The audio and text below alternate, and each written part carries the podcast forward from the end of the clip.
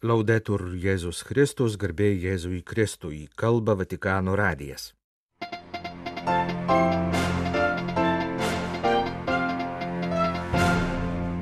Popiežiaus audiencijos susitikimo, kuriame buvo kalbėta apie dvasininkų ir pasauliečių bendrą atsakomybę už bažnyčios gyvenimą dalyviams ir kanonistams, dalyvavusiems Romos Rotos tribunolo surinktuose kursuose. Šventojo sosto atstovas jungtinėse tautose apie naujos darbo etikos reikalingumą. Konstantinopolio patriarchas paėmė savo globon penkis Lietuvos ortodoksų kunigus. Laidos pabaigoje septintojo eilinio sekmadienio Evangelijos komentaras. Šeštadienį baigėsi nuo ketvirtadienio Vatikane vykęs Vyskupų konferencijų pasauliečių reikalų tarybų pirmininkų ir atstovų susitikimas tema Ganytojai ir pasauliečiai pašaukti keliauti kartu. Dalyvavo daugiau kaip 70 šalių, taip pat ir Lietuvos atstovai. Užbaigiant susitikimą, jo dalyvius pasveikino popiežius Pranciškus.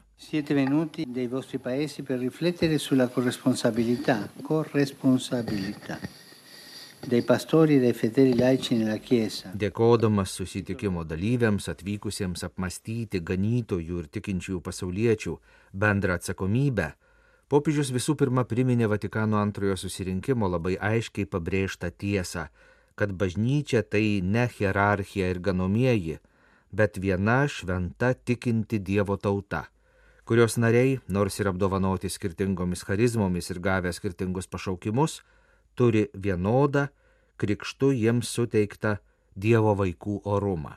In effetti l'esigenza di valorizzare i laici non dipende di quale novità teologica e neppure da esigenze funzionali per la diminuzione dei sacerdoti. Popiežius pabrėžė, kad pasauliečių orumo ir teisių pripažinimas nėra kokių nors teologinių naujovių rezultatas.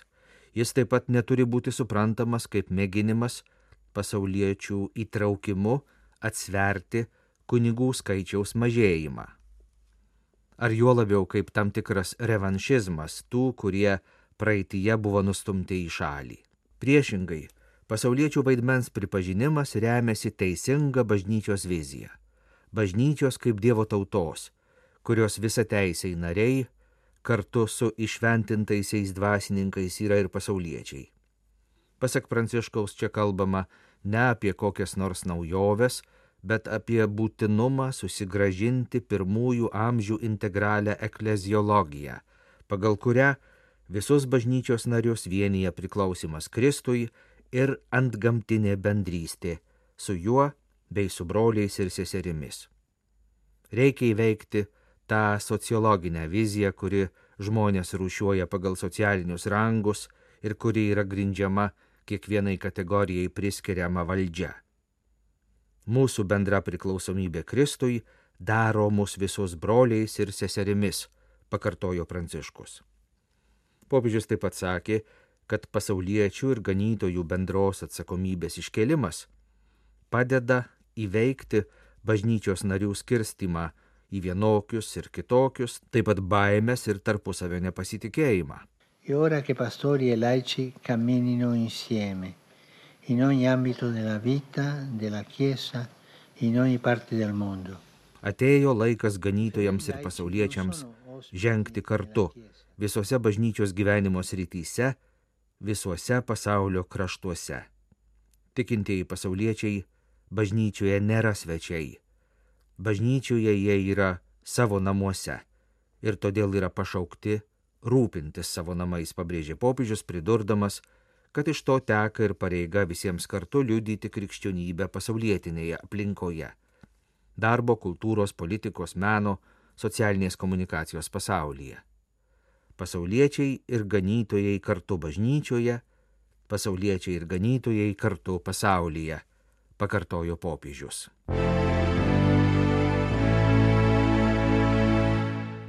Šeštadienį vasario 18 dieną popiežius Pranciškus susitiko su Romos Rotos tribunolo surinktų kursų skirtų kanonų teisės ir šeimos pastoracijos specialistams dalyviais. Pagrindinis per šiuos kursus keliamas klausimas - kokia prasme bažnyčios teisė yra susijusi su evangelizacija. Apie tai ir popiežius kalbėjo susitikęs su kursų dalyviais. Pasak popiežiaus, supaprastintai į klausimą būtų galima atsakyti, kad nei teisė be evangelizacijos neturėtų prasmės, nei evangelizacija be teisės nebūtų įmanoma. Iš tikrųjų, sakė Pranciškus, kanonų teisė yra esmiškai susijusi su tuo, kas yra svarbiausios tikinčiųjų bendrystę grindžiančios vertybės, tai yra su Dievo žodžiu ir sakramentais. Ogni persona e ogni comunità ha diritto, ha diritto all'incontro con Cristo Kiekvienas asmuo ir kiekviena bendruomenė turi teisę į susitikimą su Kristumi, o visos teisinės normos ir aktai siekia, kad šis susitikimas būtų autentiškas ir vaisingas. Todėl aukščiausias įsakymas yra sielų išganimas, kaip teigiama paskutinėme 1752 kanonų teisės kodekso kanone. Popiežius sakė, kad reikia vengti pozityvistinio požiūrio į kanonų teisę. Negalima naudotis kanonais siekiant tik surasti šališkus interesus tenkinantį teisinių problemų sprendimą. Toks požiūris netarnautų tikram teisingumui, o keltų grėsmę būti įkalintiems griežtose formalistinėse ir biurokratinėse schemose, nepaisančiose tikrųjų teisių tarnaujantieji bažnyčios teismuose yra pašaukti siekti teisingumo su išminties dorybė gilindamiesi į konkrečius atvejus. E lo spirito sinodale, sinodale va vissuto in ogni vostro compito giuridico. Camminare insieme nell'ascolto reciproco, nell'invocazione allo Spirito Santo. Pasak Pranciškaus, teisingumo vykdymas bažnyčioje turi būti suvokiamas ir kaip sinodinės Dievo tautos kelionės dalis. Sinodo dvasia turi įkvėpti visą veiklą ėjimas kartu, įsiklausimas vieni į kitus ir šventosios dvasios pagalbos šaukimasis yra būtinos sąlygos tikram teisingumui užtikrinti. Popiežius paminėjo ir prieš porą metų paskelbtus savo juridinius dokumentus - Mytis Judex ir Mytis et Misericors Jėzus, kuriuose buvo pabrėžta šeimos pastoracijos ir bažnytinių teismų veiklos sąveika. Ši sąveika ypač svarbi siekiant gerai parengti sužadėtinių santokos sakramentui ir tuo pačiu išvengti galimai negaliojančių santokų sudarimo. Ji svarbi ir padedant krizės išgyvenančioms sutoktinių poroms. Galiausiai popiežius dėkojo kursuose dalyvavusiems kanonistams už jų tarnystę siekiant Dievo tautos gerovės ir meldė, kad juos visada lydėtų Dievo motinos teisybės paveikslo užtarimas.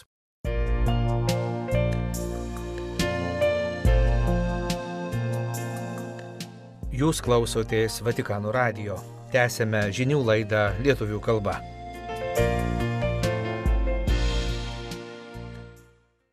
Nuolatinis šventojo sosto stebėtojas prie jungtinių tautų ragina persvarstyti užimtumo politiką, kuris skatintų visapusišką žmogaus vystimasi ir ekonominį augimą, kad moterys ir vyrai galėtų darbuotis visuomenės labui.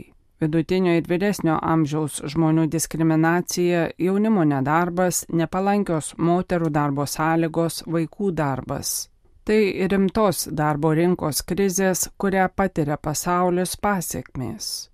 Ta Niujorke pabrėžė arkivyskupas Gabrielė Kačia, nuolatinis šventojo sosto stebėtojas prie jungtinių tautų per 61-ąją socialinės plėtros komisijos sesiją, kurios tema - kurti pilną, produktyvų darbinį užimtumą, užtikrinti orų darbą, siekiant įveikti neligybę, paspartinti atsigavimą po COVID-19 pandemijos, įgyvendinti 2030 m. darnaus vystimosi darbo tvarkę. Pasak Šventojo sosto atstovo, darbo rinkos pasaulinė krizė iš dalies ištiko dėl esminių ir struktūrinių pokyčių, kylančių dėl augančios pasaulio ekonomikos, koronaviruso pandemijos ir cikliško finansinio nestabilumo. O tai lėmė, kad darbas skirtas ne žmogui, o žmogus darbui. Ir tai sugeneravo panaudok ir išmesk kultūrą darbo pasaulyje. Vyresnio amžiaus žmonės yra neteisingai diskriminuojami, darant prielaidą, kad jiems sunkiau įsisavinti naujas žinias, mažiau produktyvus nei kito amžiaus grupės, Kita vertus, pensinio amžiaus žmonės yra priversti toliau dirbti, nes dėl neužtikrinamos tinkamos socialinės apsaugos neįmanoma išeiti į pensiją. Jaunų žmonių padėtis visame pasaulyje yra dramatiška, nes viena vertus jie kenčia nuo augančio nedarbo, kita vertus jaučia didelį nesaugumą dėl darbo ir pajamų. Tuo tarpu moteris darbe diskriminuojamos dėl neštumo ir motinystės. Tai vis dar dažnai yra atleidimo ar neįdarbinimo priežastys. Arkivyskupas Kačia pabrėžė, kad jokia moteris niekada neturėtų būti verčiama rinktis tarp šeimos ir darbo. Jis taip pat pažymėjo, kad išnaudojimo kultūra pasireiškia vaikų darbo, akivaizdžiu žmogaus orumo pažeidimu. Taip pat pastebimi nauji būdai, kaip ieškoma sumažinti darbo sąnaudas. Tai nedekvatus atlyginimas, ilgos darbo valandos ir nesaugios sutartys. Būtina permastyti tikrai darbo vertės ir orumo pagrindą, pasitelkiant darbo politiką, kuris skatintų visapusišką žmogaus vystimasi ir ekonominį augimą, kurios centre būtų asmuo ir žmogaus orumas. Investavimas į šeimą besirūpinančią socialinės apsaugos politiką išlieka esminis dalykas. Arkivyskupas Kačia apibendrino, kad darbo rinkai reikia atnaujintos bendrojo gėrio etikos ir pagarbos kiekvieno žmogaus orumui, o politika turėtų dirbti taip, kad visi vyrai ir moteris galėtų maksimaliai pasitelkti savo gabumus, juos panaudodami visos visuomenės labui, skatinant socialinį vystimasi.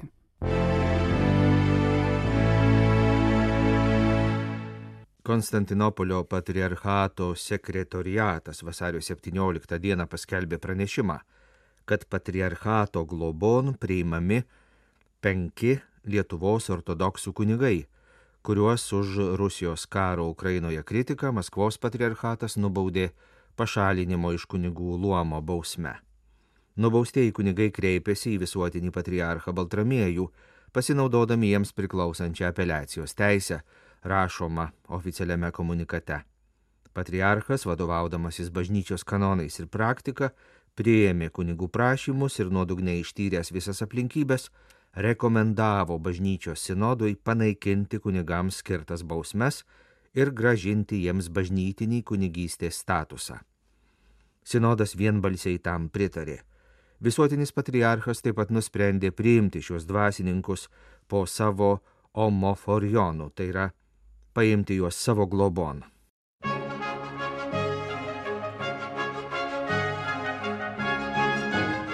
Septintasis eilinis sekmadienis iš Evangelijos pagal Matą. Jėzus kalbėjo savo mokiniams. Jūs esate girdėję, jog buvo pasakyta - akis už akį ir dantis už dantį. O aš jums sakau, Nesipriešink piktam žmogui, bet jei kas tave užgautų per dešinį skruostą, atsuk jam ir kairįjį. Jei kas nori su tavimi bilinėtis ir paimti tavo marškinius, atiduok jam ir apsiaustą. Jei kas verstų tave nueiti mylę, nueik su juo dvi. Prašančiam duok ir nuo norinčio iš tavęs pasiskolinti, nenusigręžk. Jūs esate girdėję, jog buvo pasakyta, mylėk savo artimą ir neapkesk priešo. O aš jums sakau, mylėkite savo priešus ir melskitės už savo persekiotojus, kad būtumėte savo dangiškojo tėvo vaikai. Jis juk leidžia savo saulėje tekėti blogiesiems, siunčia lietų ant teisiųjų ir neteisiųjų. Jei mylite tik tuos, kurie jūs myli, kągi užsitarnaujate? Argi taip nesielgi ir muitininkai? Ir jeigu sveikinate tik tai savo brolius, kągi ypatingo nuveikėte? Argi to nedaro ir pagonys? Taigi būkite tokie tobuli, kaip jūsų dangiškasis tėvas yra tobulas. Skaitome septintojo eilinio sekmadienio Evangelijos komentarą. Dievo širdis. Jūs esate girdėję, jog buvo pasakyta, akis už akį ir dantis už dantį, o aš jums sakau, Jei kas tave užgautų per dešinį skruostą, atsuk jam ir kairįjį. Šiuos viešpaties žodžius vieni žmonės vertina kaip tobulybės drįstančios prabilti apie meilę priešams viršūnę. Tuo tarpu kitiems jie gali atrodyti nepažįstančio gyvenimo tikrovės svajotojo naiviais postringavimais. Iš tikrųjų, Jėzus kalba apie kelią, vedantį į tarpusavio pažinimą. Jis ragina savo sekėjus gyventi taip, kad jie nekeltų baimės kitam, nebijotų parodyti, jog nesikesina į kito žmogaus prioritetus ir leistų suprasti, kad absurdiška stengtis būti krikščionybės priešų. Atsukti kitą skruostą. Tai neišsigandusio žmogaus pasyvumas, bet apsisprendimas vedantis į troškimą rasti sprendimą, noras žengti pirmą žingsnį į supratimą ir susitaikymą. Krikščionis realizuoja save atleisdamas, pradėdamas iš naujo, drąsiai taisydamas nuolat ardomą gyvenimo audinį. Nors iš pirmo žvilgsnio gali atrodyti ir kitaip, tačiau krikščionybė yra ne nuolat nuliūdusių, kenčiančių, žeminamų ir į nieką nereaguojančių vergų religija. Priešingai, krikščionybė tai karalių religija. Ja išpažįsta visiškai laisvi žmonės, darantys atsakingus sprendimus, net ir blogio akivaizdoje, sugebantys savo vidinę jėgą nutraukti keršto giją ir, pasinaudodami kūrybingą meilę, užmėgsti naujos santykius. Tik laisvas žmogus, su viltimi žvelgiantis į ateitį, gali pasipriešinti blogiui neatsakydamas į jį blogių, bet pasiūlydamas taisyklės vedančias į sutarimą ir laimę. Ką iš tiesų reiškia Jėzaus nurodymai - mylėkite, melskitės, atsukite, atiduokite. Tai neįsakymai, nes neįmanoma liepti mylėti, bet vartai, atveriantys kelią į nepaprastas galimybės. Tai akimirka, kuomet žmogus turi teisę galvoti apie jam suteiktą dievišką galybę Išganytojas tai paaiškina labai paprastai. Darykite tai, kad būtumėte savo dangiškojo tėvo vaikai. Jis juk leidžia savo saulėje tekėti geriesiems ir blogiesiems. Iš tėvo visa galybė perduodama sūnui. Jėzus neatsitiktinai sulygina savo sekėjus su savimi pačiu, vadindamas mus tėvo vaikais. Visi šie paliepimai tai tarsi paveldas, pereinantis iš tėvo sūnui. Mes iš Dievo paveldime elgesį, jausmus, vertės pajūtimą ir galybę. Jėzus tikrai nebuvo naivus svajotojas. Jis aiškiai sako, jūs galite mylėti taip pat ir priešus, daryti iš pirmo žvilgsnio neįmanomus darbus. Jei tik to norite, aš jums visą tai suteiksiu, kad galėtumėte eiti vidinio atsivertimo keliu, vedančių į vienybę su dangaus tėvu. Jei gerai į tai įsiklausysime, galiausiai suvoksime, kad mes, kiekvienas iš mūsų, galime mylėti taip, kaip Dievas. Ir ateis diena, kuomet kiekvienam bus duota Dievo širdis. Juk kai kreipiamės į viešpatį prašydami, suteik mums naują širdį, mes iš tiesų melžiame vieną dieną turėti Dievo širdį ir pajusti viską, ką jaučia Dievas. Ir mes tikime tą ateitimi.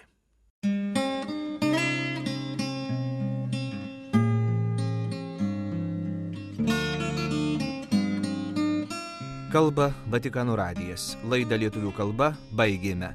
Garbėjai Jėzui Kristui, laudetur Jėzus Kristus.